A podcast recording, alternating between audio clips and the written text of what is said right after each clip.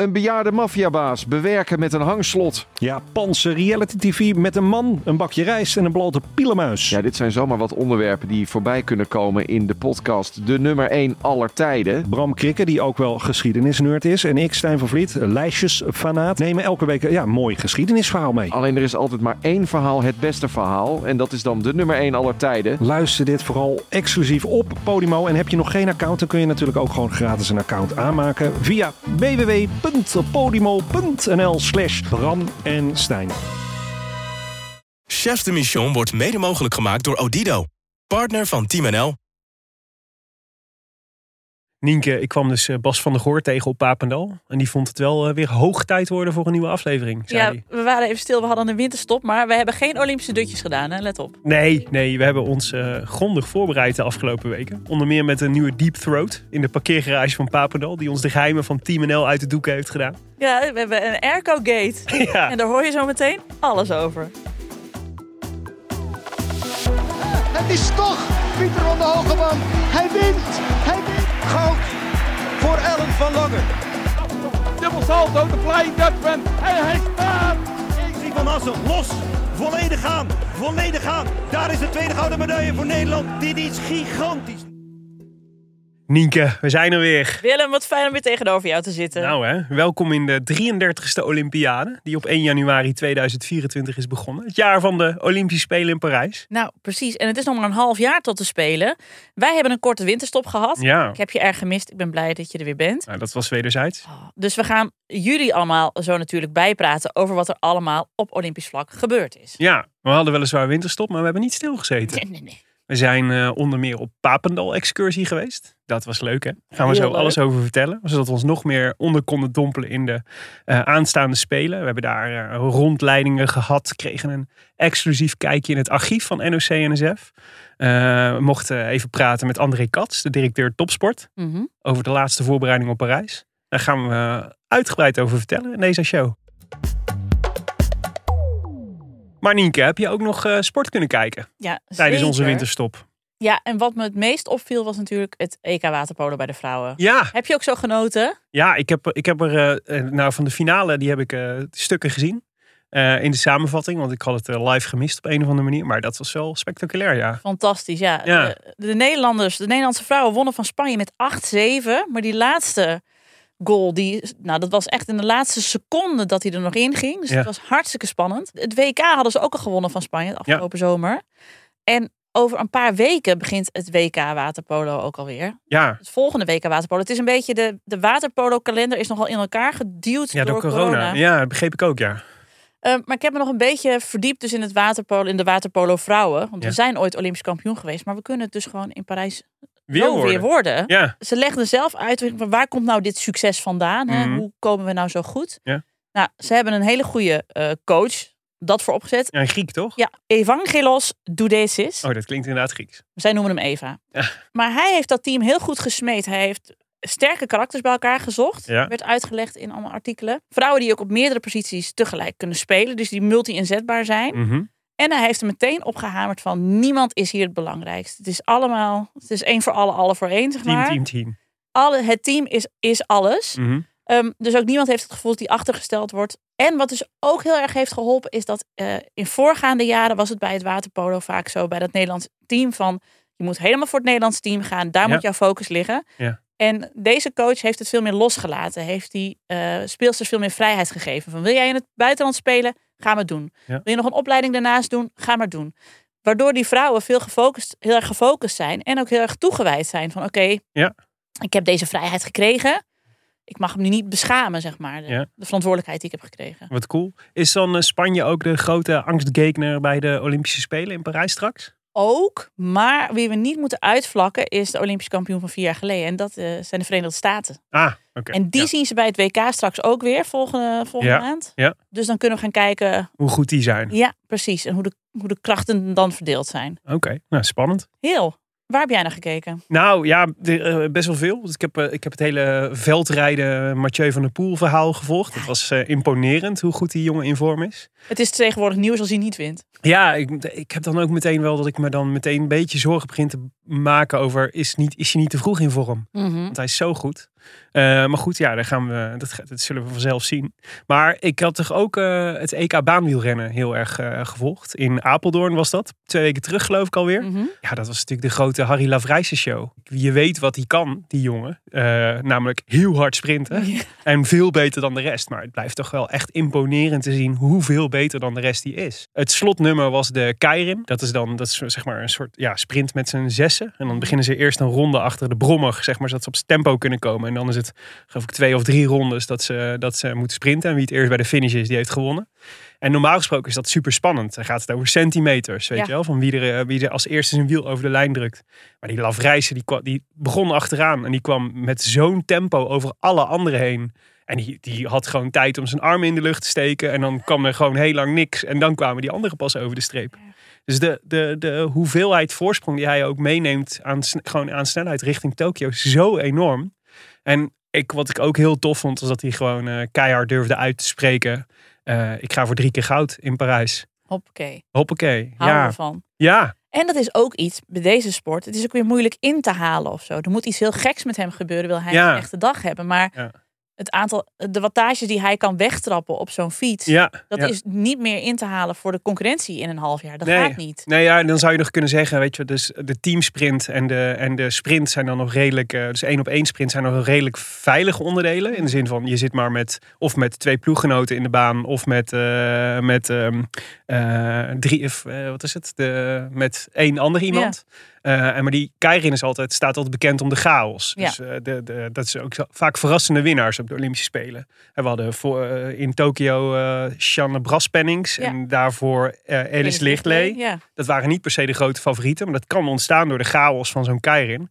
Maar die Lavrijs is zo goed. Dus die kan gewoon alle fouten herstellen doordat hij zoveel snelheid heeft. ja, en als hij Ja. gewoon heel erg ver voor de rest uitfietst, dan kunnen ze hem ook niet onderuit halen. Nee, nou ja, dat is een goede strategie. ja. Slim gedaan. Ja, maar ik vond het ook wel heel vet. En ook wel, ja, god, moeten we dit nu zeggen? On-Nederlands bijna. Maar om dat zo, zo uit te spreken. Mhm. Want ik ga gewoon voor drie keer goud.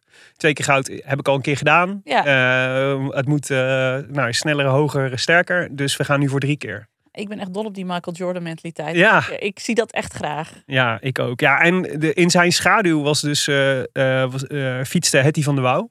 Eh, en dan, nou ja, zijn schaduw is heel groot. Dus, eh, maar Veel schaduw om Ja, te fietsen. veel schaduw in te Voor fietsen. Hetty, ja. Maar het was heel leuk, want die eh, Hetty van Wouw... Ik was er dus voor het eerst tegengekomen omdat ze ons was gaan volgen op Instagram. Oh, wow. En toen dacht ik, zag ik een, een dame met prachtig rood haar in een wiel, wielerpakje. Ik dacht, hé, moet ik even kijken wie dat is. Toen dacht ik, oh, dat is een baanwiel, jonge baanwielrenster. En die had nu ook eigenlijk, nou ja, ik weet niet, min of meer door doorbraak. Die werd derde op de Keirin. En eh, werd ook geïnterviewd door de NOS. Superleuk mens. Dus die gaan we ook even volgen voor de, in de komende tijd. Hetty van der Wouw. Hetty, als je dit hoort, welkom bij Chefs de Mission. En eh, ja, jij wordt een beetje onze mascotte, denk ik ook wel. Ja. Lijkt me leuk. Ja, precies. Goed om je te volgen. Dank je. Nou had jij natuurlijk nog een, eh, een tijdje terug zo'n prachtig verhaal over de lange mannen in Atlanta. En hadden we natuurlijk Bas van der Goor te gast. Dus we hebben het er uitgebreid over gehad. Helaas de Olympische droom van, de, van onze mannenvolleyballers is, is ter ziele. Eh, want die kunnen zich niet meer kwalificeren voor de Olympische Spelen. Dat is jammer. Dus we gaan geen eh, Atlanta 96 meer tegemoet. Helaas. Nee, maar er is dus toch één klein half lichtpuntje voor het Nederlands volleybal. Ja, Want er is dus wel een halve Nederlander. Die dit vond ik fascinerend. Fascinerend. Ik Ja. had geen idee. Het is dus zo. Henk-Jan Held, Ja, onderdeel van de lange mannen. Hij zeker. is daar zeker voorbij gekomen. Die is in de, in de jaren negentig in Italië gaan volleyballen. Zoals zoveel. Precies. Kwam daar een leuke Italiaanse vrouw tegen. Is ermee Mhm. getrouwd. Ja. Hij heeft op een gegeven moment de Italiaanse nationaliteit aangenomen. Zijn kinderen hebben de nationale, Italiaanse nationaliteit aangenomen. En zijn zoon, Tim Held, die kan dus nu gewoon met Italië naar de Olympische Spelen. Ja, precies. En die kans nou ja, is, is niet heel groot. Want hij heeft nog niet zijn debuut gemaakt voor het Italiaanse team. Maar hij heeft de afgelopen zomer bijvoorbeeld al mee mogen spelen. Maar mee mogen trainen. Nou, zie je Bas van der Goor. Dat kan tot veel leiden. Precies. En eh, hij werd ook wereldkampioen eh, bij de clubteams. eh, volgens mij in december. Dus hij kan wel wat, deze Tim Held. Maar het zou toch wel... Kijk, Italië is dus... Wat een verhaal zit hierin, hè? Italië is dus nog nooit Olympisch kampioen geworden Nee. in het volleybal. Hun grote sport, zeg maar, is het ze nog nooit gelukt. Stel je voor dat het lukt, maar dan met Tim Held, een nazaat van de man die ze heeft verslagen in Atlanta. Van Henk-Jan Dat, Held. dat zou toch fantastisch zijn? Hoe zouden zij zijn naam uitspreken? Team Held. Ja, ik denk precies zo, Nienke. Team Held. Nou, teamen bij deze. Ja, We kijken naar je. ik vond het ja, een heel leuk verhaal. Te gek. We proberen dit, deze Olympische Spelen natuurlijk vanuit veel verschillende kanten te benaderen. Heel goed van jou. Eh, ik dacht laten we het ook eens even van een wetenschappelijke kant benaderen. Dol. Eh, met de Nielsen Medal Forecast. Heb je, die Oh. ooit, eh, heb je daar ooit van gehoord? No. De Nielsen Medal For- Nielsen is dus een heel groot onderzoeksbureau in de, in de Verenigde Staten. En zij maken onder andere allerlei voorspellingsmodellen en zo. Dus waarmee ze dan nou ja, een beetje proberen grip te krijgen op de toekomst. Dus op basis van data kunnen zij dan, gaan ze dan berekenen, onder andere, eh, wat is eigenlijk de voorspelling voor het medailleklassement eh, voor de Olympische Spelen in Parijs.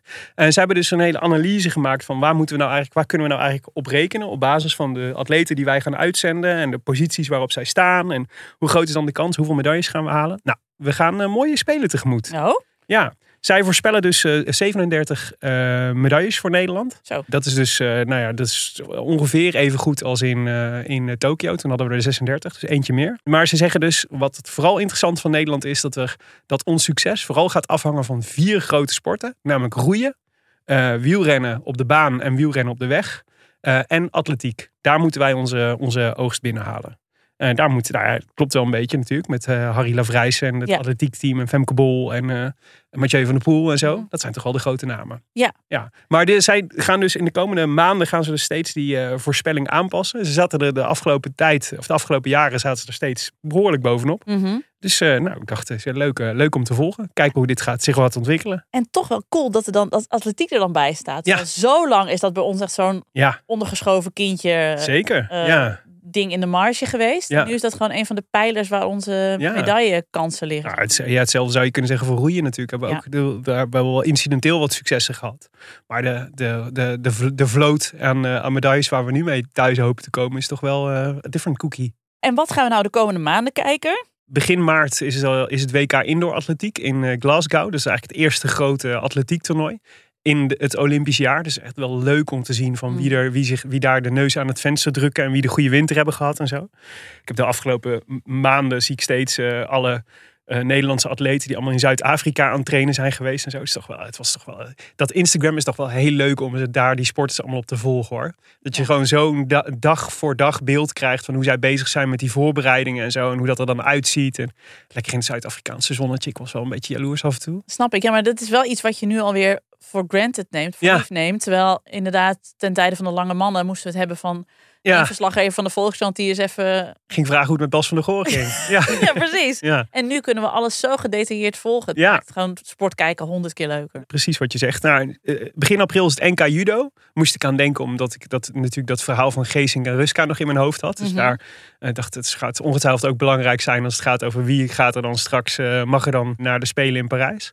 En 25 tot 28 april is het EK roeien in Hongarije. Dus dat is het laatste grote roeitoernooi voordat Parijs is. Dus die drie dingen moet je denk ik sowieso eventjes in je agenda zetten. Ja, en het zijn ook alle drie sporten die gewoon lekker zijn om naar te kijken. Dat vind Ja. ik ook wel belangrijk. Of belangrijk. Weet je, alle sporten zijn belangrijk. Maar dit zijn ook gewoon fijne sporten om aan te hebben op zondagmiddag. Als de Zeker. sport aanstaat om lekker Ja. even mee te kijken. Ja, en zeker, eh, en voor zover we het nog niet hebben gedaan, zullen we er dan tegen die tijd ook alweer extra aandacht aan besteden. Zodat je ook goed voorbereid voor de televisie zit. Zeker. Als ik zeg pastinaaksoep, Dan wat zeg jij dan? mijn maagje al. Ja, ik, Hij, hij staat in de koelkast, begreep ik. ja want eh, voordat wij verder gaan met eh, de opwarming van de Spelen in Parijs... gaan we het hebben over het opwarmen van het soepje in mijn koelkast. Wij hebben een nieuwe sponsor. En dat is niet de chefs de Mission, maar Green Chef. Ja. Dat is perfect. Ja, match Eh, made in heaven. Nou, precies. De, de maaltijdbox. Waarbij je dus lekker één keer per week een box vol met eh, gezonde eh, ingrediënten voor gezonde recepten krijgt. We hadden allebei een, een box. Jij hebt ook lekker gegeten, hè? Halloumi wraps met gebakken courgette-linten met limoenyoghurt en honing. Oeh. En hoe viel dat erin bij de kleine dudokjes? Eh, nou, die hebben er echt van gesmuld. Nou. Ja, wij hebben altijd de, de, de duimproef. Dus ik dan, Ja. Wij Dus we voeren allebei van die Julius Ja. Caesartjes op. Maar goed. Ja, dus ik vraag naar elke eh, Green Chef maaltijd die we gemaakt hebben. Dat zeg ik, zeg, we moeten de mensen van Green Chef laten weten wat we ervan vinden. Want dat vragen ze natuurlijk steeds. En dan begin ik met mijn duim helemaal omlaag. En dan ga ik zo langzaam beweeg ik omhoog. En dan moeten ze stop zeggen. Nou, bij de halloumi wraps met gebakken courgette linten met limoenyoghurt en honing was hij echt. Hij ging nog net niet zeg maar weer eroverheen. Zo lekker vonden ze. Nou, Dus die, eh, die had eh, hoog gescoord. Ja, en die Green Chef maaltijdboxen, dat zijn dus ja, maaltijdboxen die perfect bij jouw gezonde levensstijl past. Ja, Wij natuurlijk allebei hebben als bij onze sportkijkers. gezonde levensstijl. Zeker, zeker. Wij willen natuurlijk ook eten als een topsporter, maar dan zonder dat je al die boodschapjes hoeft te doen. Hè? Ja. Ja, nee, precies. En ehm, ik vind het dus heel leuk, want dus, je krijgt dus, eh, bij mij komt hij dan elke zondag. En je kan dan in de weken voor, kan je, krijg je dan zo'n keurig zo'n mailtje met je moet weer even je maaltijden uitzoeken. En dan krijg je een heel overzicht van potentiële maaltijden die je kunt kiezen. En dat is dan, sommige zijn dan, eh, zijn dan eh, vegetarisch en andere veganistisch. En uh, allerlei diëten die je kunt volgen. Maar dan mag je er zo drie of vier of vijf afhankelijk van je wensen aanklikken. En die worden dan keurig in, in een doos met allemaal verschillende tassen waar al die ingrediënten zitten in bezorgd. Ik vond het echt zo handig. Ja. Ja. En ook leuk om klaar te maken met kinderen. Want je krijgt van die grote bladen bij waar dan Ja. het recept op staat. Met Ja. keurige plaatjes. Dus mijn kinderen helpen ook vaak mee. Ja. Dus eh, ik ga zo meteen lekker aan mijn pastinaaksoep. En wil jij dat nu ook? We gaan volgende week horen wat je van je pastinaaksoep vond. Dan gaan we even de duimtest doen, Nienke. Nou, precies. Eh, je kunt gezond koken met tot wel 90 euro korting op je eerste vier boxen. Eh, we hebben namelijk een kortingscode voor je. En dat is Chef de Mission. Dus zonder die S ertussen. Mhm. Want het is Green Chef. Chef de Mission. Dus ga naar greenchef.nl of klik op de link in de show notes. Willem, wij hadden een heerlijk eh, kerstvakantie uitje eigenlijk, hè? Ja, Ja. het was een, eh, een zonnige vrijdagochtend. En eh, toen togen wij naar Arnhem. En toen belanden we daar in een, ja, wat zal ik zeggen? Een soort kelder van een kantorencomplex. Ja, een bijgebouwtje bij een, bij een school. Een oude, oude school. Zo leek het een beetje. Be- Een gekke plek. Niet direct iets waarvan je denkt, dit is het hart van de Nederlandse sportgeschiedenis. Nee, zeker Maar dat niet. was het eigenlijk wel een beetje. Ja, want daar lag dus uitgestald alle spullen die NOC-NSF heeft van voorgaande Olympische Spelen. eh, spullen die ze gekregen hebben van oud-sporters, medailles, judo-pakken. Ja, Alles kwam voorbij. Het was heerlijk om in gras te duinen. ja. Ja. nou ja. We hebben, zijn er denk ik eh, anderhalf uur of twee uur geweest of zo. Maar het had voor mij gerust een hele dag mogen duren. Het was dat wij nog verder moesten, maar anders waren we de hele middag blijven, blijven sneupen. Ja, De gekke dingen gezien. Onder andere eh, een fantastisch fotoboek. ja. Wat iemand van NOC NSF in elkaar had geplakt. En dat fotoboek was met foto's van de bijeenkomst die voor de Olympische Spelen in Barcelona was gehouden voor alle sporters en medewerkers. Ja, Wat echter uitzag als de 70 jaar, 70ste verjaardag van mijn paken Jaap, Nou, zeg maar. precies. Ja, het was echt zo. Het was, het was ook echt zo'n jaren negentig fotoalbum. Ontzettend. Het Ja. was een jaren 90 fotoalbum. Iedereen die erop stond zag er heel erg jaren 90 uit. We gingen natuurlijk ook meteen kijken welke sporters we konden Kennen we ze herkennen. nog? Ja. Een piepjonge Marcel Wouda Ja, zagen met we. heel veel haar. Nou, dat was fantastisch om te zien. En ook heel leuk om te bedenken. Als je dit hele fotoboek nou meeneemt en je gaat uitpluizen wie hier allemaal op staan. Ja. En wat er van hen is geworden. Ja. Nou, een, zou een, een podcast op zich zijn. Ja, weet je, eh, Arnold van der Leijden, die er echt uitzag als een superster, vond ik. Ja, die was toen echt al. Dit Ja. straalde aan alle kanten. Ja, eh, Elvira Bex kwamen we tegen, de, de zusjes Muis, de Ja. zwemsters. En Monique Knol geloof ik ook nog. ja, ja. nou, dit was echt een trip down memory lane. Vond het echt heel erg leuk. Ja, met dank aan archivaris Bernard Hilgers. Want die had voor ons van alles moois uitgestald. Ja, Ook eh, deelnemersmedailles eh, van de Olympische Spelen van 36 bijvoorbeeld. Ja. Van Mastenbroek en van eh Fanny Blankers-Koen. Ja, We hebben even, we hebben het niet aan mogen raken, maar we het judo-pak van Anton Geesink mogen bekijken. Dat is ook al fantastisch. viel vooral weer op hoe groot die man eigenlijk was. Ja, en dat Bernard ook vertelde dat ze toen ze het een keer moesten tentoonstellen, dat ze toen eh, een, een, een pop zelf in elkaar hebben geknutseld. Een etalagepop, omdat alle etalagepoppen te klein waren. Dat zag er niet uit. Ja, Dat hij uit karton zelf een pop had moeten knippen om te laten zien hoe groot Anton Geesink was. ja, ja. Ja, ik vond het, eh, ik vond het, het was sowieso, Bernard eh, had eh, volgens een prachtige uitstalling gemaakt. Ik vond het ook wel fascinerend dat wij, dus dat uiteindelijk het fotoalbum gewoon tussen al die grote schatten, zeg maar, eigenlijk nog het leukst vonden. Ja, dat was wel heel lief dat hij er weer met een medaille aankwam. En dan wij zo, maar kijk nog eens even. Ja, Oh, kijk eens, wie, welke sporter is dit? ja, nee, Ja. echt, echt heel erg leuk. En, eh, maar ik dacht wel, nou ja, we begonnen net natuurlijk ook een beetje mee. Van, dit is toch eigenlijk, het is bijna allemaal een soort museaal materiaal, toch? Ja. Dat je denkt van, eh, het is... Nou, kijk, we hebben ooit een Olympisch museum gehad. De Olympic Experience in het Olympisch Stadion.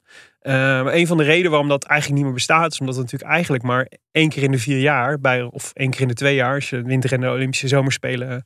eh, als je allebei meetelt... maar echt belangstelling is voor die sportgeschiedenis. Maar het is eigenlijk zo zonde. Want het is zulk mooi materiaal. En het, is ook zulk, het zijn zulke mooie dragers van, van verhalen... die je zou kunnen vertellen over... eh, nou ja, gewoon dus de Nederlandse geschiedenis... en de sportgeschiedenis. Ja, en het is Zo zonde. Ja, en het is wat dat betreft ook heel goed dat Bernard en zijn collega's daar ook bovenop zitten. Want sporters zelf zien vaak ook niet op het moment dat ze zoiets groots bereiken, dat het uiteindelijk iets is voor een museum. En dat er heel veel dingen zijn. Hij had daar ook fietsen staan die daar waren, waren gebruikt in het Olympisch dorp, bijvoorbeeld in Sydney of zo. ja en de, de tandem van Lenen en Van Dijk, toch? Ook? Ja. ja. Eh, eh, uit 28 is dat dan, in Amsterdam. Maar dat zijn van die dingen waarvan een sporter dan zelf denkt, ja, weet je, eh, Mhm. waar moet ik, wil je een trainingspak van, maar waarom? Ja. Eh, wat maakt het uit? Of dat sporters zelf die spullen nog nodig hebben in hun actieve carrière en ze daarom niet afgeven. Maar Ja.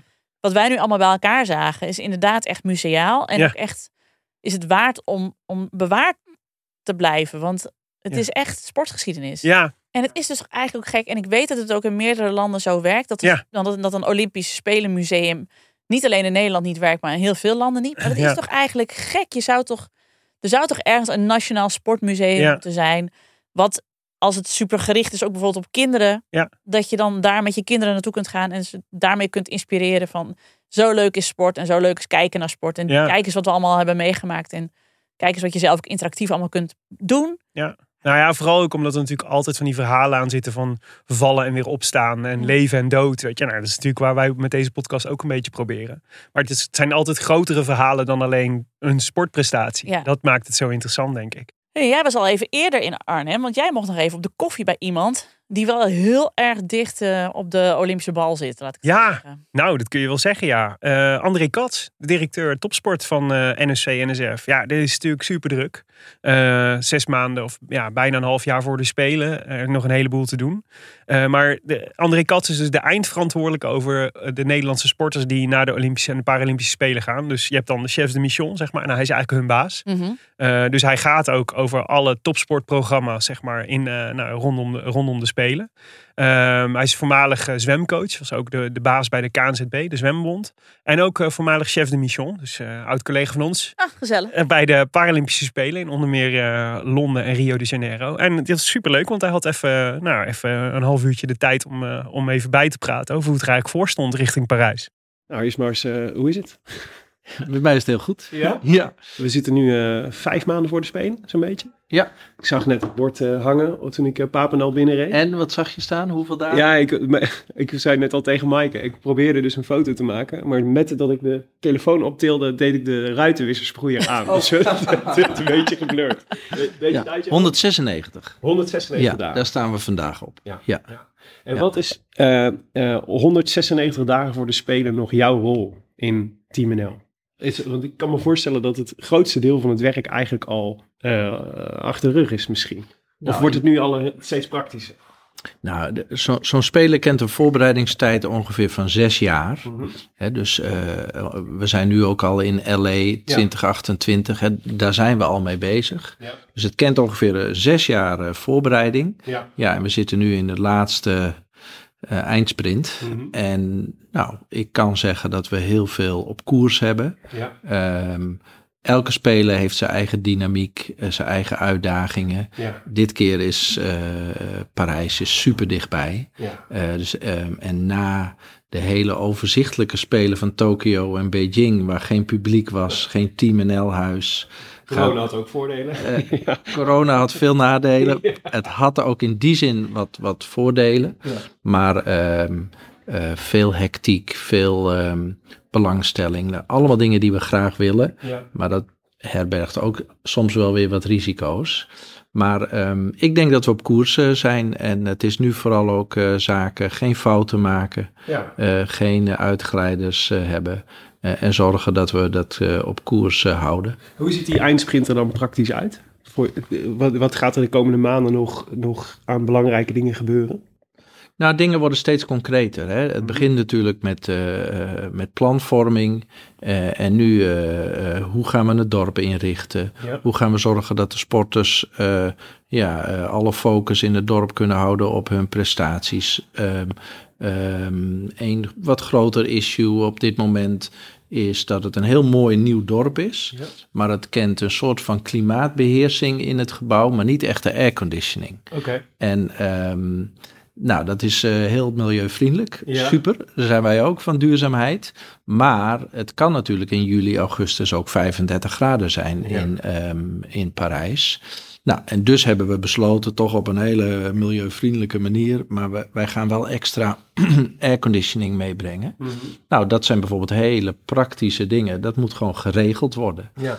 De Spelen is ook een heel logistiek proces. Er gingen zes zeecontainers vol met materialen naar Tokio. Ja. Eh, van oranje fietsen tot aan extra meubilair, tot aan eh, eh, eh, vrieskisten, eh, van alles. Ja. Nou ja, het is ook een hele logistieke eh, operatie. Wat grappig, dat zijn niet de eerste dingen waar ik bij denk eh, als ik denk aan een directeur topsport.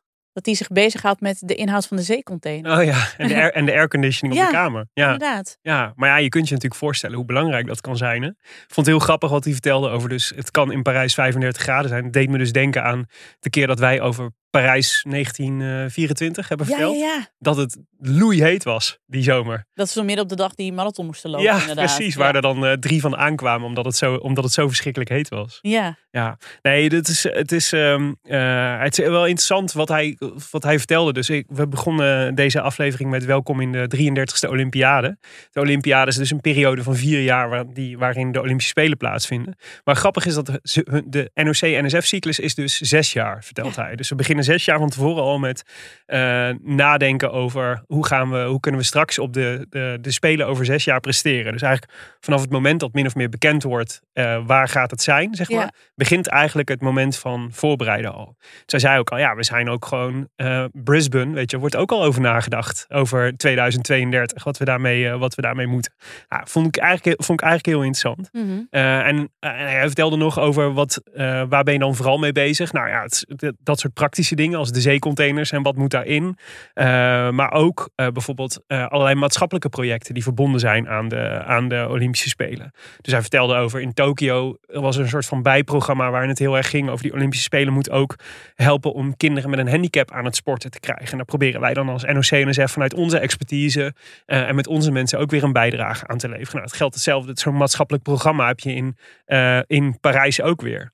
Eh, en ze zijn nu bijvoorbeeld ook heel druk met het nadenken over en vastleggen van welke stad gaan we straks in Nederland worden straks die Olympische sporters gehuldigd Oh als ja. ze terugkomen uit Parijs. Al dat soort dingen komen nu eigenlijk in deze fase komen worden, worden eigenlijk steeds concreter. Gek. En, en als we het nou hebben over eh, sportief gezien, wat, wat kunnen we op dat vlak verwachten? Wat zei hij daarover? Ja, nou ja, dus qua Parijs. Hè, dus als je dan die hele periode van zes jaar hebt, dan zitten we eigenlijk dus in Parijs zitten we nu, ze hebben nu de eindsprint bereikt. Mhm. Eh, dus dat betekent van eh, de tijd van plannen maken is voorbij. Het gaat nu gewoon over doen. Dus dat betekent, weet je wel, eh, de details eh, per sport. Dat houdt dus nooit op. Het gaat over steeds lichtere baan, wielren, fietsen. Weet je wel, waar je nog innovaties kan doen. De samenstelling van de boten bij roeien is net bekendgemaakt. Weet je wel, want wat Mhm. wordt nou, nou daarover nadenken en daarbij helpen. Ehm, al die praktische dingen en zo. En het inrichten dus van alle Nederlandse faciliteiten. Ja, je zei het al, het gaat eh, in deze fase veel over praktische zaken. En is het dan ook een ambitie om met zoveel mogelijk eh, sporters in Parijs te zijn straks? Nee, dat is niet per se een ambitie. Eh, wij willen met kansrijke sporters eh, gaan, kansrijke teams. Hè. We zijn ook een van de landen, en er zijn er echt veel meer, die zeggen van we hebben de IOC-regels voor kwalificatie. Ja. Maar bij een aantal sporten zetten wij daar nog een, een extra norm bovenop. Dat is overigens bij de teamsporten niet het geval. Dan volgen we gewoon de internationale normering. Maar het is niet per se een am- ambitie om- met eh, 300 of meer sporters te gaan. Nee. Wij willen met zoveel mogelijk kansrijke Ja, maar het sporters is wel gaan. leuk als je met zoveel mogelijk kanshebbers gaat. Ja, het biedt ook voordelen ten opzichte van de organisatie. Eh, wij zitten eh, behalve in de medailleranking in de top 10. Ja. eh, ehm, de laatste edities zitten we ook organisatorisch in de top 10. Ja.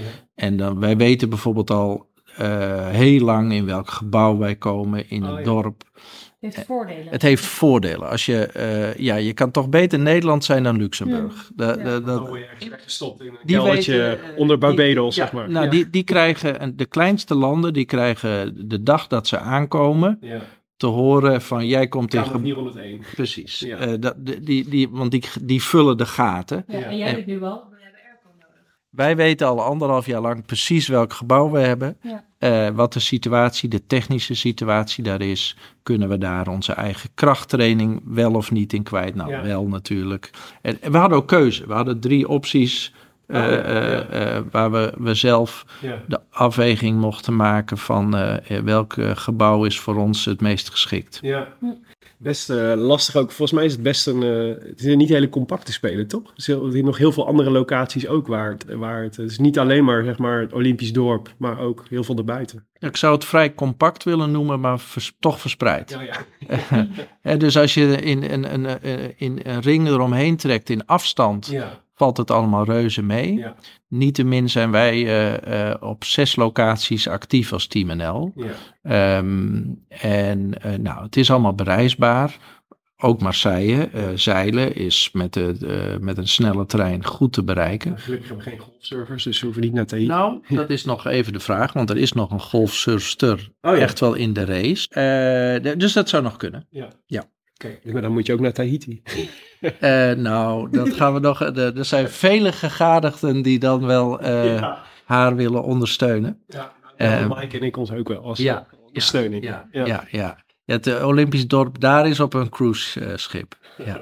Nee, de, dus het, eigenlijk is het vrij compact. Ja. Maar ge- eh, eh, gezien het feit dat het Parijs is, eh, met veel eh, file eh, ja. ja. leed, ehm, ja, eh, is het niet iets eh, wat je zomaar even op één dag eh, vier locaties kan bezoeken. Dat zal zeker niet het geval zijn. ja. Nou, ik had dus geen idee dat, dat, eh, dat dus die kleinere landen nu nog helemaal geen idee hebben waar ze zitten. Ja, Die zo worden weggestopt. ja. Oh, trouwens, misschien goed voor de luisteraar. eh, je hoorde nog iemand anders in dit fragment. Maaike van Leeuwen. Maaike van Leeuwen. De, De showrunner waar wij het altijd over hebben. precies. Zo En, klinkt ze dus. nou ja, de, de luisteraars van de Roland Taarn weten dat natuurlijk al lang. Precies. Maar die zijn gewoon fijn om. Die vinden het fijn om Mike ook even te horen. Ja. Die was er dus ook bij. Maar dat is toch eigenlijk gek dat je een sporter bent vanuit Barbados. Die Mhm. traint net zo hard Ja, als een sporter uit Nederland. Laat, zet er ook alles voor opzij. ja. Komt naar de Spelen. En wordt dan misschien zeg maar in een hotel boven de keuken. Waar iedereen zijn sigaretjes staat te roken. Zeg maar in, bij, bij de ja binnentuin. naast de wc. Ja, Ja. precies. En, en waar een 40-jarig huwelijk ge- gevierd wordt, zeg maar, op de avond voordat ze moet gaan. eh, Ja. Nou, ze, mogen wel, ze mogen wel in het Olympisch dorp. Hè? Dus het is Ja, wel alleen sporters. Maar toch, je kunt ook naast de ingang zitten of zo. Of eh, naast Ja. het restaurant. ja. Ja, Of een of ander aggregaat dat de hele dag doorloopt te loeien. ja. Ja, ja, ja, dat is, ja, maar dat is, ja, het is natuurlijk onrechtvaardig. Ja. Er zijn ook landen die, eh, die, die nou ja, eh, waar de, de, nou ja, de, de- in Nederland heb je het als sporter denk ik behoorlijk goed, zeg maar, Ja. in trainingsfaciliteiten en dat soort dingen allemaal. En dat, nou ja, dat uitzicht dus ook hierin. Maar het heeft dus ook echt te maken met het feit dat we gewoon een grote delegatie zijn.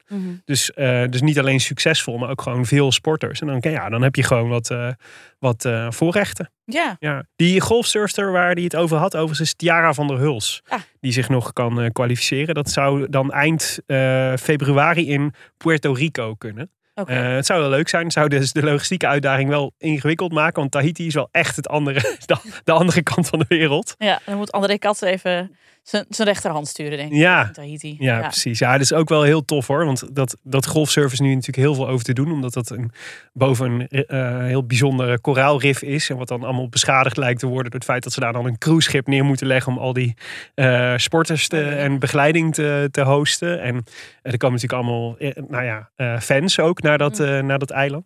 Maar ik las dus nog wel iets interessants. Dus die golven zijn daar echt soort van perfect. Omdat ze van die barrels zijn. Weet je, van, die, echt zo, van dat klassieke beeld van golfsurfen. Dat, zo, dat ze zo onder zo'n golf doorgaan. Weet je wel? Ja, En, eh, maar in Tahiti zijn ze dus zo perfect eh, eh, te zijn. Dat het dus ook betekent dat het rif bijna vrij komt te liggen. Dus al die surfers die zijn allemaal zit, zeg maar op het eh, hoogtepunt zit er nog 50 centimeter water tussen het rif en, eh, en, Wow. en, en je boord. dat is helemaal niks. Nee, dus ze zijn ook allemaal. Dus ze hebben al een paar keer geoefend eh, daar. Zij ook. Tiara is er ook al een keer geweest in, in Tahiti. En had ook prompt allerlei schaafwonden en snijwonden van het rif. Wat je natuurlijk meteen aanraakt op het moment dat je van je boord afvalt. Jeetje, ja. Dus ze hebben ook, ze moest, ze moest zich ook mentaal voorbereiden op het feit dat ze gewoon ja, gewond ging raken daar. Knal je met je bakkers op het rif. Ja, ja, en dus, nou ja, ik weet niet of je wel zo'n koraalrif hebt gezien, maar er zitten een hoop scherpe kantjes aan. Nou, Nienke. precies. Ja. Wil je niet in je neus hebben. Jaren van de Hulst dus. Ook leuk om te volgen op Instagram dus de komende Tof. tijd. Ja, ja en eh, wat ik echt wel interessant vond, eh, hij corrigeerde mij een beetje. Want ik zei dus van, nou, ja, we zijn natuurlijk een land dat eh, punched above our weight, weet je Mhm. wel. Ik was wel een beetje trots van, klein landje, 16 miljoen mensen, zulke sportprestaties en zo. En daar was hij het dus deels mee eens, want hij, we, we doen het natuurlijk goed. Mhm. Maar hij zei eigenlijk, Tokio was helemaal niet zeg maar boven verwachting. Was gewoon precies op verwachting. Was voor de kwaliteit die we toen in ons team hadden, zeg maar, was dat gewoon een hele normale prestatie om met zoveel medailles thuis te komen. En als je het dan hebt over de, onze uitgangspositie voor Parijs, is, vindt hij dus ongeveer hetzelfde. Dus, eh, dus eh, er zijn natuurlijk wat sporters gestopt en er zijn wat nieuwe talenten bijgekomen. Maar al met al zitten we ongeveer op hetzelfde niveau. En zou je dus ongeveer bij eh, evenveel geluk of evenveel pech ongeveer evenveel medailles kunnen verwachten. En ik vond het heel leuk wat hij vertelde over, want ik zei klein landje, weet je, wel, Mhm. Hoe, hoe, kunnen we dan zo goed zijn tegen al die grote landen? Het zeiden ja, waar Nederland dus heel goed, is, goed in is, is gebruik maken van het feit dat we een klein land zijn. Want het betekent bijvoorbeeld dat eh, het grote voordeel wat we bijvoorbeeld hebben op een Amerika of een Australië, is dat wij zo dicht bij elkaar zitten dat we elkaar ook heel makkelijk kunnen opzoeken. Ja. Zij zei ja, wij doen hier dan op Papendal, organiseren we dan gewoon coachbijeenkomsten. En dat is dan op dinsdagochtend om 9 uur. En dan kunnen gewoon alle coaches uit heel Nederland kunnen daar gewoon naartoe komen. Ja. Nou, kom daar maar eens om als je in Amerika woont of in, eh, in eh, Australië. Ah, je bent een badmintonner uit Alaska en Ja. je hebt heel veel talent. Dan moet er maar net een trainer zijn die dat talent oppikt. Ja. En dan moeten er ook de financiële middelen zijn om tegen andere goede badmintonners te kunnen badmintonnen door, door heel het land, zeg maar. Ja, precies. Ja, dat is heel veel lastiger. Ja, maar ik vond het zo leuk, leuk gedacht, of leuk eh, omgedacht eigenlijk. Van, Ja. ja. je kunt stellen van het is een nadeel dat we, eh, dat we een klein land zijn. eh, en dat dat betekent dat je per definitie gewoon minder mensen hebt om die, al die topsporters uit te recruteren. Maar ja, het heeft dus ook heel veel voordelen. Namelijk dat we, dat we elkaar snel kunnen opzoeken. Ja. En dat is wel een beetje de basis, zegt hij ook, voor gewoon coaching succes. Weet je wel? Gewoon uitwisseling. Dat is, dat is veel natuurlijker dan op aan andere plekken. En dan wordt talent dus ook veel sneller opgemerkt dan eh, Ja. anders het geval zou zijn. Ja, Ja. precies. Nou, ik vroeg hem natuurlijk ook of hij nog zorgen had richting Parijs. Vond, die, vond ik hem vrij gedecideerd in. Oh. Eh, nee, eigenlijk niet. Heel goed. Eh, wel wat praktische dingen die nog geregeld moeten worden, zoals de airconditioning. ja. Eh, maar dat is allemaal te doen binnen in, eh, in de komende maanden. En ook wel van nou, welke teams gaan zich nog kwalificeren. Het interessant ook, weet je, hoe groot de equipe wordt. Is natuurlijk ook heel erg afhankelijk van bijvoorbeeld of de voetbalploeg en de volleybalploeg, of die zich kwalificeren. Handballers. De handballers, want die brengen dan in één keer zeg maar, een enorme hoeveelheid nieuwe sporters met zich mee. Je kan Ja. zomaar zo'n equipe in één keer verdubbelen. Weet je, als je het, eh, of het de kwartje de goede kant op valt. Maar verder had hij eigenlijk weinig zorgen. Het enige wat hij, waar hij even, wat hij even aanstipte, en dat snap ik wel, eh, was de veiligheidssituatie. We hebben natuurlijk eh, allerlei conflicten in de wereld. Maar Ja. het meest prominente, denk ik, Israël eh, en Gaza momenteel. Mhm. Nou ja, de Olympische Spelen, een groot eh, in het hart van de stad Parijs. Eh, nou, we hadden het al eerder over de openingsceremonie alleen al gehad, die niet in een stadion was, maar in, over de hele scène. Weet Ja. je, nou, je kunt je voorstellen wat voor veiligheidsrisico's dat zich met zich meebrengt. En dit hoor je wel steeds vaker terug, vind ik. Van, hè, als er ergens, eigenlijk zijn we, eh, is iedereen enthousiast over alles, alle voorbereidingen, alles wat er gebeurt. Maar als er ergens zorgen zitten, dan is het, dan is het daar. Weet je, je voelt aan alles eigenlijk als er maar niks gebeurt. Dat is Ja. de, En dat snap ik ook heel goed, want als je kijkt naar waar al die venues zijn, als cameraman zou ik echt nu echt al kwijlen. Ja, maar. ja. Wat ze hier, oh, en als, als re- tv-regisseur, wat ze hier in beeld kunnen brengen is natuurlijk fantastisch. Weet je, Ja. je beachvolleybalt geloof ik ja, onder de Eiffeltoren. onder de Eiffeltoren. Nou, dat is natuurlijk absurd. Fantastisch, maar alles is open en Ja. benaderbaar. En dat is natuurlijk heel fijn van sport. Wij zijn allebei wielerliefhebbers. Het is heel leuk als je bij een sport heel dichtbij kunt komen. Zeker, ja. Maar voor de beveiliging is het wel echt een kring. hoor. Ja, nee, zeker. Nou, ik, dus dat is ook nog wel iets om een keer op in te zoomen, denk ik. Ook Ja. vanuit, het is ook wel interessant om vanuit dat perspectief een keer naar de Spelen te kijken. Want daar hebben we natuurlijk ook wel een geschiedenis mee als, Mhm. eh, als Olympische Spelen. Ehm, ik vroeg hem ook van, wat voor Spelen denk je nou dat het worden? En want ik, ik, eh, wij refereren vaak aan Barcelona 92. En eigenlijk iedereen die je spreekt over Barcelona 92 her- herinnert zich dat als de vrolijke Spelen. Mhm. Eh, de Spelen die kwamen eigenlijk na de val van de muur, eh, het einde van de Koude Oorlog, een soort opluchting bij iedereen. Weet je, echt het begin van de jaren negentig, wat Ja. toch een soort de, de party decade was Oh, voor, eh, zeker, op zeker. heel veel verschillende vlakken. Ja, zeker. En eh, nou ja, dit, zo herinnert mensen zich dat als de vrolijke spelen. Dus ik vroeg hem, en nou, Tokio waren natuurlijk de corona-spelen, weet je, wel, een jaar uitgesteld vervolgens zonder publiek. Zag hij, ja, wat wordt, moet dit nou, wat gaat nou eh, Parijs voor spelen worden? Eh, en hij refereerde aan, ja, zijn beeld was Sydney 2000 eigenlijk. Daar, dat vond, daar vond hij het meest op lijken. Dus ook hele vrolijke spelen, maar ook heel publieksgericht. Eh, dus precies wat jij zegt. Dus dat inspirerend effect vonden ze bij, vinden ze in Parijs vanaf het begin af aan heel erg belangrijk. Dus het is ook spelen die niet alleen zeg maar ultiem gemaakt zijn voor alle sporters. Dus het hoogste podium voor alle sporters. Maar waar eigenlijk, die eigenlijk gemaakt zijn voor sportkijkers. Oh ja. Eh, dus vandaar dus precies wat jij zegt. Al die fantastische en fascinerende backdrops. Zeg maar. Het is helemaal gemaakt zodat het een optimale, inspirerende kijkervaring is. Mhm. eh, om straks naar die Olympische Spelen te kijken. Maar dat vind ik wel optimistisch gedacht. Als je het wilt spiegelen aan Sydney 2000. Want Ja. dat voelt voor ons, omdat wij heel oud zijn. Ja. Niet zo heel erg lang geleden. Nee, ja. Maar dat is, Het is het natuurlijk wel. is hartstikke lang geleden. En het is ook ehm wereldgeschiedenis technisch heel lang geleden. Ja, Want dit Ja. was nog voor 9-11. Dit Ja. was voor de oorlog in Irak. We hebben daarna nog talloze conflicten gehad. ja, De wereld is nu heel anders dan in Sydney 2000. Maar echt, echt heel anders. ja. Er staan allemaal sporters trouwens op de Olympische Spelen die heel Sydney 2000 nooit hebben meegemaakt. Nee. Ook vrij confronterend met dat geheel terzijde. Ja. Maar dus ik vind het best wel optimistisch om het daaraan te spiegelen. Omdat Ja. ik denk, dat zijn eigenlijk Olympische Spelen die gewoon eigenlijk op een heel andere wereld Ja. Zijn gehouden dan Ja. op onze wereld, de Ja. huidige wereld. Ja, nee, het is, het is, het is een zeer optimistische, eh, optimistische gedachte. Maar ik vond hem wel prettig. Ja, Ik heb goede herinneringen aan Sydney 2000. Dus als het dat Zeker. wordt, eh, daar teken ik wel voor. ik ook. Maar eh, had hij nou nog tips? Zijn er nog mensen, want hij kent al die sporten natuurlijk veel beter dan dat ik ze ken. Ja. Wie moet vervolgen? Ja, nou ja, dat heb ik hem natuurlijk gevraagd. Eh, want ik dacht, hè, dan, dan kunnen wij die vervolgens ook gaan volgen. Ja, hij wilde eigenlijk niet echt speciaal, specifieke sporters noemen. En dat snap ik eigenlijk ook wel. Want het is natuurlijk als, eh, in de rol van directeur topsport kun je natuurlijk, is het natuurlijk lastig om er dan een paar uit te pikken. Of eentje, laat staan eentje uit te pikken. Geen Zeg- moeder dat een liefde, Ja. lievelingskind Ja. heeft. Zo werkt het gewoon niet. Nee, precies. Nee, wij kunnen dat wat makkelijker als, eh, als chef de mission van de sportkijkers. Maar hij zei wel, hij heeft eigenlijk hetzelfde mantra als wij. Hoe meer je weet, hoe leuker het is. Dus hij zegt eigenlijk, ja, al die sporten zijn leuk om te kijken in principe.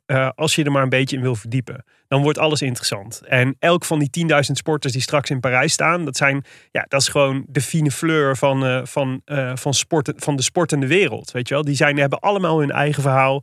eh, in hoe ze er gekomen zijn en hoe ze tegenslagen hebben overwonnen. en wat voor prestaties ze daar gaan leveren. Dus eigenlijk zijn ze stiekem allemaal de moeite waard om te volgen. En al helemaal natuurlijk diegenen die net als wij uit Nederland komen. Ja. Dus zijn tip was eigenlijk: ga je vooral verdiepen in, in zoveel mogelijk sporten. Nou, is, hoef je dat tegen ons en tegen onze luisteraars denk ik niet te zeggen. Nee, nee, nee. Wij zijn natuurlijk al hartstikke lekker bezig. Zeker. Maar ik vond het wel nog wel interessant, want ik dacht, ik moet een beetje hè, mijn journalistieke, journalistieke kwaliteiten inzetten. Ik ben een beetje hè? gaan peuren zo. Ja, ja, ja. En hij kwam toch nog wel met een verrassende suggestie voor een sport waar wij goed aan doen om ons in te verdiepen.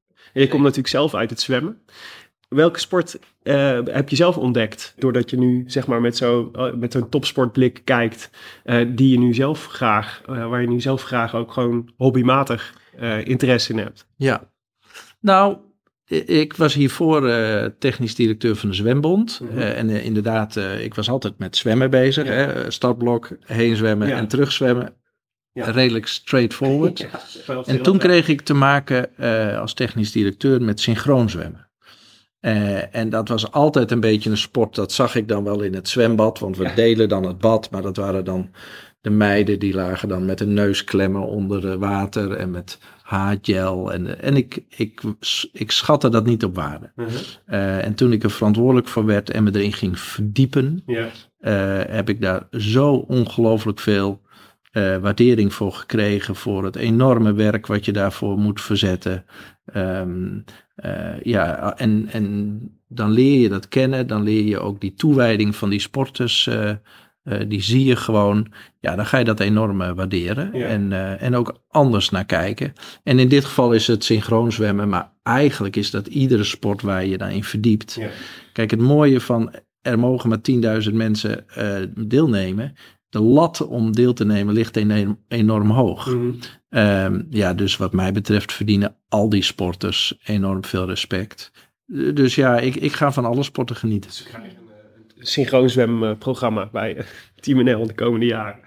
Hebben we al. All, all, Eh, eh, all in voor LA. Met, eh, ja, eh, daar laat ik me niet op onze investeringsbeslissingen voor de toekomst eh, vooruitlopen. Misschien is ja, je eigen smaak daar niet leiden. diversiteit, dat is ook iets wat we erg, ehm, aanhangen. Ja, Team NL eh, is, een, is een divers palet van sporten. Ja. Eh, en daar horen mooie artistieke sporten als synchroonzwemmen ook bij. Zijn er haargel? Hebben ze veel haargel in? Ja, Oké. ja, ja. de- dat is, Ja, het voelt op een manier dat dat heel slecht samengaat met zwemmen. Maar ja, maar dat zal een speciale... Misschien moeten jullie- daar... Induiken. Als jullie de- welke de- soort gel nou het beste is? Ja, ja een nou dat weten de zusjes, eh, de Brouwer, de Duet eh, weten dat precies. En ook eh, hoe moeilijk je het er weer uit eh, spoelt. Eh, ja. Ga op Nienke testen dit. Leuke niche. Ja. Nou Nienke, ik heb hier een pot Shell staan. Ja. Je maakt al het geluid wat erbij hoort. ja, ik vind het wel heel leuk dat hij dit zegt. Want ik had me, ik had me hier nog helemaal niet verdiept in het Nee. synchroon zwemmen. Nee. Maar we hebben dus een, een, twee, een tweelingzusjes die eh, voor Nederland het water ingaan. Ja, Noortje en Brechtje de Brouwer heette dat. Waren er in Tokio ook bij. Dat heet dus een duet een, eh, in het synchroon zwemmen. Fantastisch. Ja, En moet je even eerlijk na, na, toelichten? parti, na pa- partuur in het kaatsen vind ik dit, eh, vind ik dit toch echt een, ook een hele mooie. En nou even eerlijk toegeven, als jij in het zwembad ligt, doe je dan ook altijd een stukje synchroon? Of ben ik de enige die het altijd even doet? Die dan zo doet alsof ze zo met haar hand omhoog en naar beneden. Dan zo in het Ik zou- water verdwijnen? Ik zou hier graag in steunen, maar nee. Ik denk niet dat ik dit ooit heb gedaan. Nee, oké. Misschien is dat iets meisjesachtig, ik weet het niet. Maar ik kan het nooit laten. Mm, Heel Ja. leuk. Leuk gesprek. Ja, hè? om even met hem te praten. Nou hebben we het over heel veel praktische Olympische Spelen zaken gehad. Maar één groot ding hebben we nog niet aangeraakt. Ja, ik, ik rijd de Hoempapa Band even binnen. Hier Kleintje, Kleintje Pils, Pils. welkom. Hartstikke leuk. Zet ze s'nachts na twee alvast maar in. Ja, want zeg je Nederland op de Olympische Spelen, dan zeg je toch ook? Holland Heinekenhuis. Ja, en zeker eh, nu het eh, zo dichtbij is, Parijs. Er gaan veel Nederlanders naar de Spelen. Die, zullen, die gaan zich afvragen, waar moet ik wezen? Ben jij er wel eens geweest, Nienke? Zeker. Ik was in 2012 was ik bij, eh, in Londen op de Olympische Spelen Mhm. voor werk. En toen ben ik ook één avond naar het, één middag naar het eh, Holland Heinekenhuis geweest. Oké. Vond het indrukwekkend. Ja, het is, eh, het, het is heel dubbel. Want het is enerzijds denk je, oh, dit is dus het Holland Heinekenhuis dat ik altijd op, op tv zie, waar Ja. al die huldigingen zijn. En Mhm. tegelijkertijd voelt het alsof je op een dorpsfeest staat in Friesland. Ja, Het is die vibe. die combinatie. Ja. Wel, heel, wel heel Nederlands. Heel erg Nederlands. ik, ja, ik vond het wel heel bijzonder om een keer mee te maken. Ehm, eh, het is ook eigenlijk pas sinds 92 hebben we pas een, een Holland Heineken huis. Toen heette het nog Holland Heineken huis. Ja. Heet Nu vanaf deze keer het Team NL huis. Mhm. Heineken is afgehaakt. Heineken is geen eh, sponsor meer. Nee, Sponsor eh, is nog wel de bierleverancier geloof ik, maar Ja. niet meer de sponsor. de naamgever.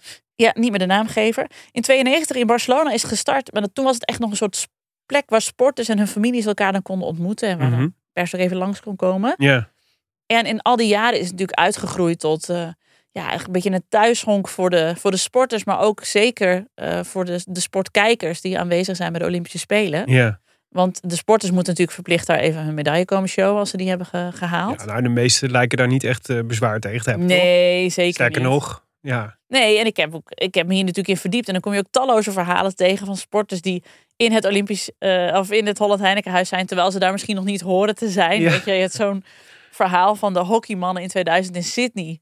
Die dan ternauwernood de halve finales hebben gehaald. Terwijl ze eigenlijk al dachten dat ze uitgeschakeld waren. Mhm. En die hockeymannen horen dat dan, dat ze toch door zijn. En dan gaan ook een groepje gaat dan die avond naar het Holland Heinekenhuis. Oh ja, En ze houden bij hoog en bij laag vol dat ze alleen cola hebben gedronken. Maar eh, weet wordt ik dat, niet wordt hoor. dat überhaupt geschonken in het Holland Heinekenhuis, denk ik dan? Weet, weet ik ook niet inderdaad. Maar dat Maurits Hendricks, die was toen hun coach, Mhm. daar ook niet blij mee was. Oké. Nog zo'n iconisch moment, maar dat weet je ook nog. Die hele belangrijke foto van, van Vladimir Poetin en Ja. Willem-Alexander. Ja, Die met een biertje proosten. het was eh, niet het finest hour van het Holland Heinekenhuis of, Nee. het, of het Koningshuis. Nee, dat was het Holland Heinekenhuis in 2014 in Sochi. En Willem-Alexander zei daar laatst in zijn eigen podcast, want hij heeft natuurlijk nu ook een eigen podcast, zei hij Ja. daarover Door, door de ogen van de koning? door de ogen van de Ja. koning met Edwin Even. Ja, Eh, over Holland Heinekenhuis gesproken. Ja, precies. Dus ja. meteen in de goede sfeer. Nou, inderdaad, die kennen elkaar daar nog van, geloof ik.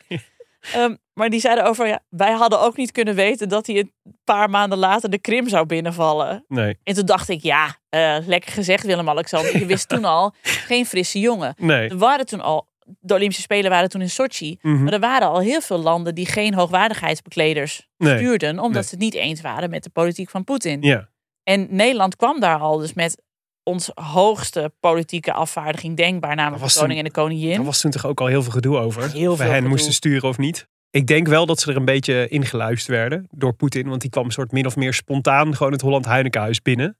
Ja, en Ja, wat doe je dan? Van tevoren gezegd dat, eh, dat, hij, dat Willem-Alexander dan wel, die mocht er dan naartoe, maar dan moest hij het wel nog met Poetin over politiek hebben. Oh Zei ja, Poetin heel snel, nou daar wil ik het nu niet over hebben, klaar.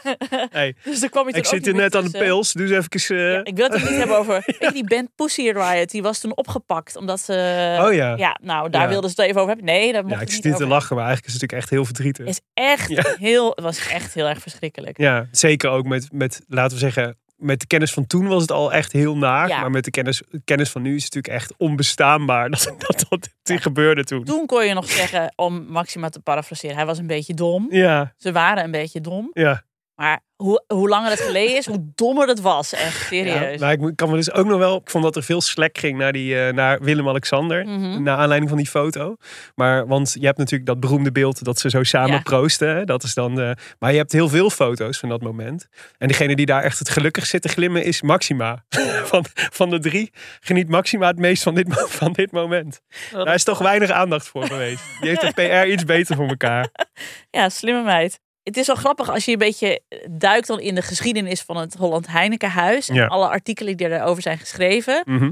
dan heb je eigenlijk een soort van twee stromingen. Je hebt en de vrolijke berichten over Ja. hossende menigte. Weet je, echt Ja. een stukje Nederland midden in Sochi. Of een stukje Nederland midden in Sydney. Wauw, wauw, wauw. Vieren van de Nederlandse cultuur. Bitterballen en Heineken op elke plek ter wereld. Precies. En de andere lijn is...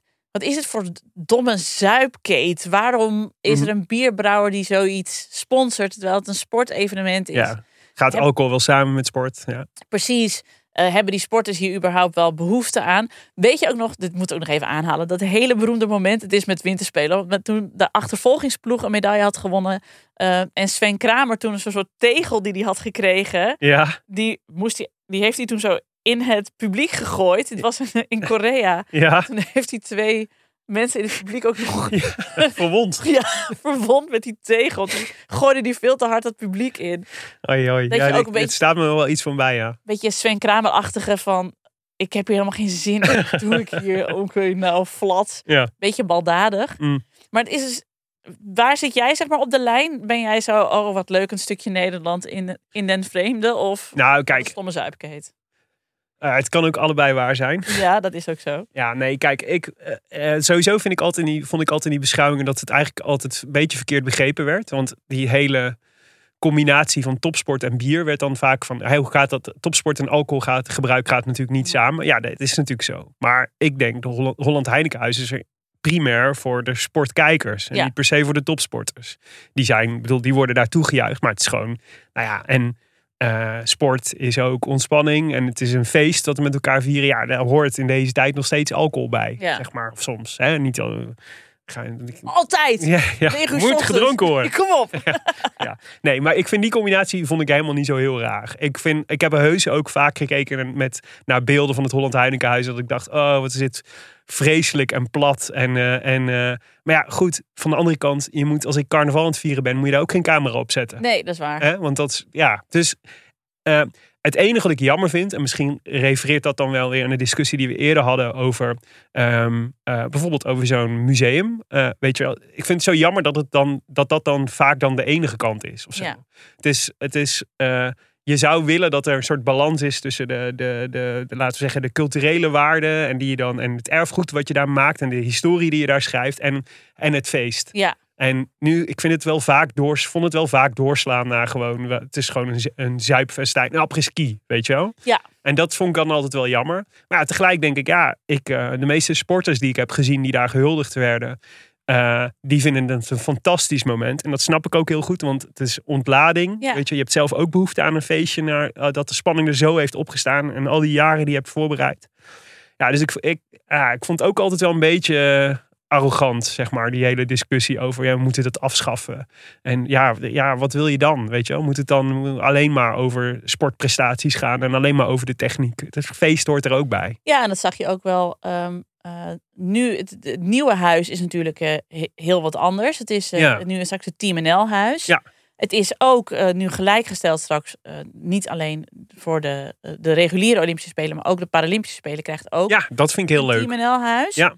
Dus dan zie je ook dat- Dezelfde plek ook. Iets Ja. kleiner, geloof ik. Maar dan zie je dus ook dat het ook vanuit die hoek heel erg behoefte is aan een plek om te vieren. Natuurlijk, ja. En dus niet, en niet een plek waar misschien, eh, ik las een column over Teun van de Keuken, die zei schaf het af. En van Thijs Sonneveld, die zei houd toch eens op met dat Holland Heinekenhuis. Ja, Ehm, dus niet, we hebben niet alleen een plek nodig waar deze... partypoepers.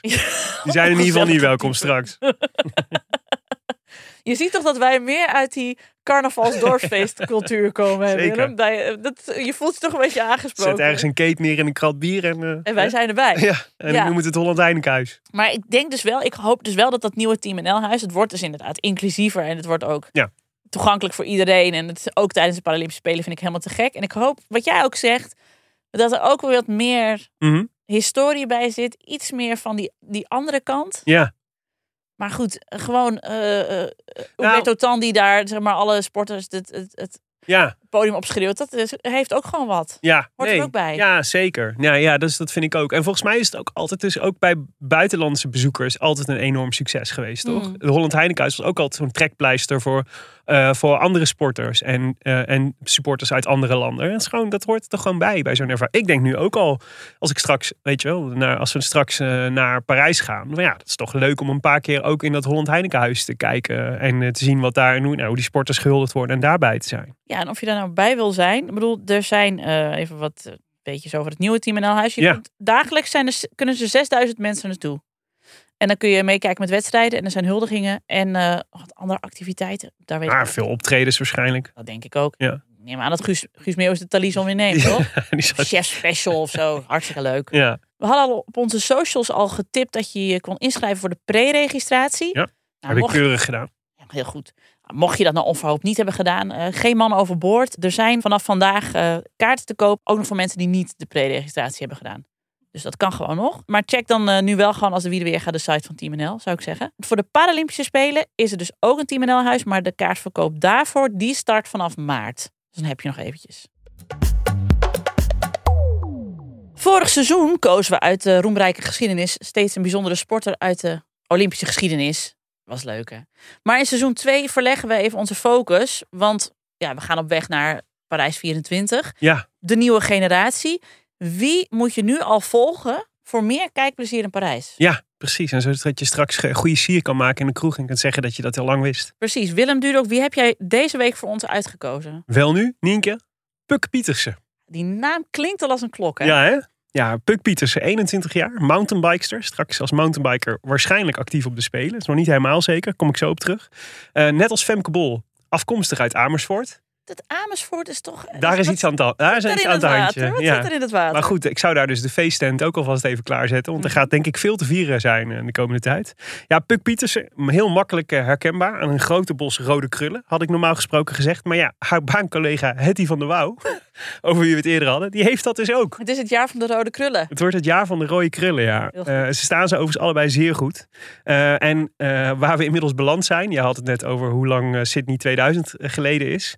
Eh, waar we inmiddels beland zijn qua topsporters. eh Puk Pietersen werd dus geboren op 13 mei 2002. Puk Pietersen is dus echt een exponent van het nieuwe fietsen in Nederland, zou ik zeggen. Eh, en met nieuwe fietsen bedoel ik eigenlijk een generatie aan multitalenten die eigenlijk alles lijken te kunnen. Veldrijden, mountainbiken, wegwielrennen, soms zelfs strandracen of baanwielrennen. Marianne Vos was daar natuurlijk een, een, eh, het, zeg maar het oorspronkelijke voorbeeld Ja, van. De OG. De OG, ja, die deed het dus inderdaad op de baan en op de weg. Ze allebei Olympisch kampioen geworden. Puk Pietersen zou je denk ik een beetje de vrouwelijke Mathieu van der Poel kunnen noemen. Eh, ze rijdt bijvoorbeeld ook voor Alpecin, de, de, de ploeg van eh Mathieu van der Poel. Eh, en is ook heel goed in, in veldrijden. Dus in, iedere keer als ik de afgelopen tijd Mathieu van der Poel zag rijden... dan was meestal Puk Pietersen was, even daarvoor al geweest en had even daarvoor al gewonnen. Mhm. Naast al dat fietsen studeert ze ook nog bewegingswetenschappen aan de VU in Amsterdam. Eh, oh ja, multitalent. Leuk, Ongelooflijk toch, dit soort types. Mountainbiken is overigens van al die disciplines wel haar eerste liefde. En dat komt omdat haar vader, Amersfoort, is natuurlijk een prachtige eh, natuur, na- na- natuuromgeving. Zeker.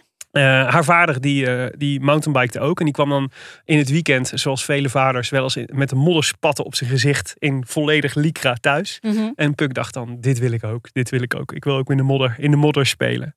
Eh, en in de jeugdcategorie maakte ze al deel uit van een generatie meiden die echt, echt, echt heel goed zijn. En van wie het echt heel gek moet lopen als ze niet de volgende gouden ge- generatie in het Nederlandse wielrennen gaan worden. En dat zijn dus Fem van Empel, eh Shirin van Anrooy en eh Puk Pietersen. Eh, alle drie, eh, nou ja, superleuke meiden. Mm. Echt van die types waarvan je echt hoopt dat alle jonge meiden en jongens van Nederland ze als idool gaan hebben. Vrolijk, slim, sociaal, vocaal, grappig. Ik heb de poster van Puk Pietersen voor mijn dochter alvast even besteld. Oh, wat leuk. Ja, maar Parijs is dus haar, eh, haar eh, grote doel. Dat zegt ze dus ook voortdurend. Dus haar veldrijdseizoen bijvoorbeeld stond ook helemaal in het teken van... alles moet, eh, staat in het teken van Parijs 2024. Ehm, dus alle trainingen die ze doet, alle veldritten... alles in het teken van de wedstrijd op zondag 28 juli. Dat is dus het moment dat de wedstrijd, de mountainbike wedstrijd is. Net buiten Parijs, in Elancourt. Dat is bij Versailles. Op een voormalige steengroeven. Dit klinkt nog heel aardig, maar die werd later een afvalberg. Dus het is een soort vanberg waar, ze het, Oh, waar het parcours op eh, gedaan is. Maar inmiddels is hij helemaal begroeid met eh, gras en, eh, en mooie planten en bomen en dat soort dingen. Dus het is een beroemd sportpark voor mountainbikers en parapenters. Ook het golf en het schermen bij de moderne vijfkamp vinden daar overigens plaats. Oh. En als je wil weten hoe dat parcours er dan uitziet, eh, dan kun je dus terecht bij Puk zelf. Want naast dat ze mountainbikester is, is het ook een YouTube-fenomeen. Nou kijk, en daarom is ze dus een goed voorbeeld voor de jeugd. Want die, gaan het, die vinden dit ook leuk. Exact. Eh, gevolgd door inmiddels 20.000 abonnees. Puk staat vooral bekend om haar recon filmpjes. En dan, het is, die bestaan er eigenlijk uit dat ze met een GoPro op haar borst eh, het parcours verkent. Eh, dus gewoon een rondje rijdt over hoe het eruit ziet. Ondertussen lekker babbelend met Jan en Alleman over van alles en nog wat. Grapjes makend over plankjes die er wel of niet eh, liggen op het, eh, op het parcours. Echt heel erg leuk. En ze heeft ze ook, een, mocht je willen beginnen met kijken, willen beginnen, een filmpje van het Olympische parcours gemaakt.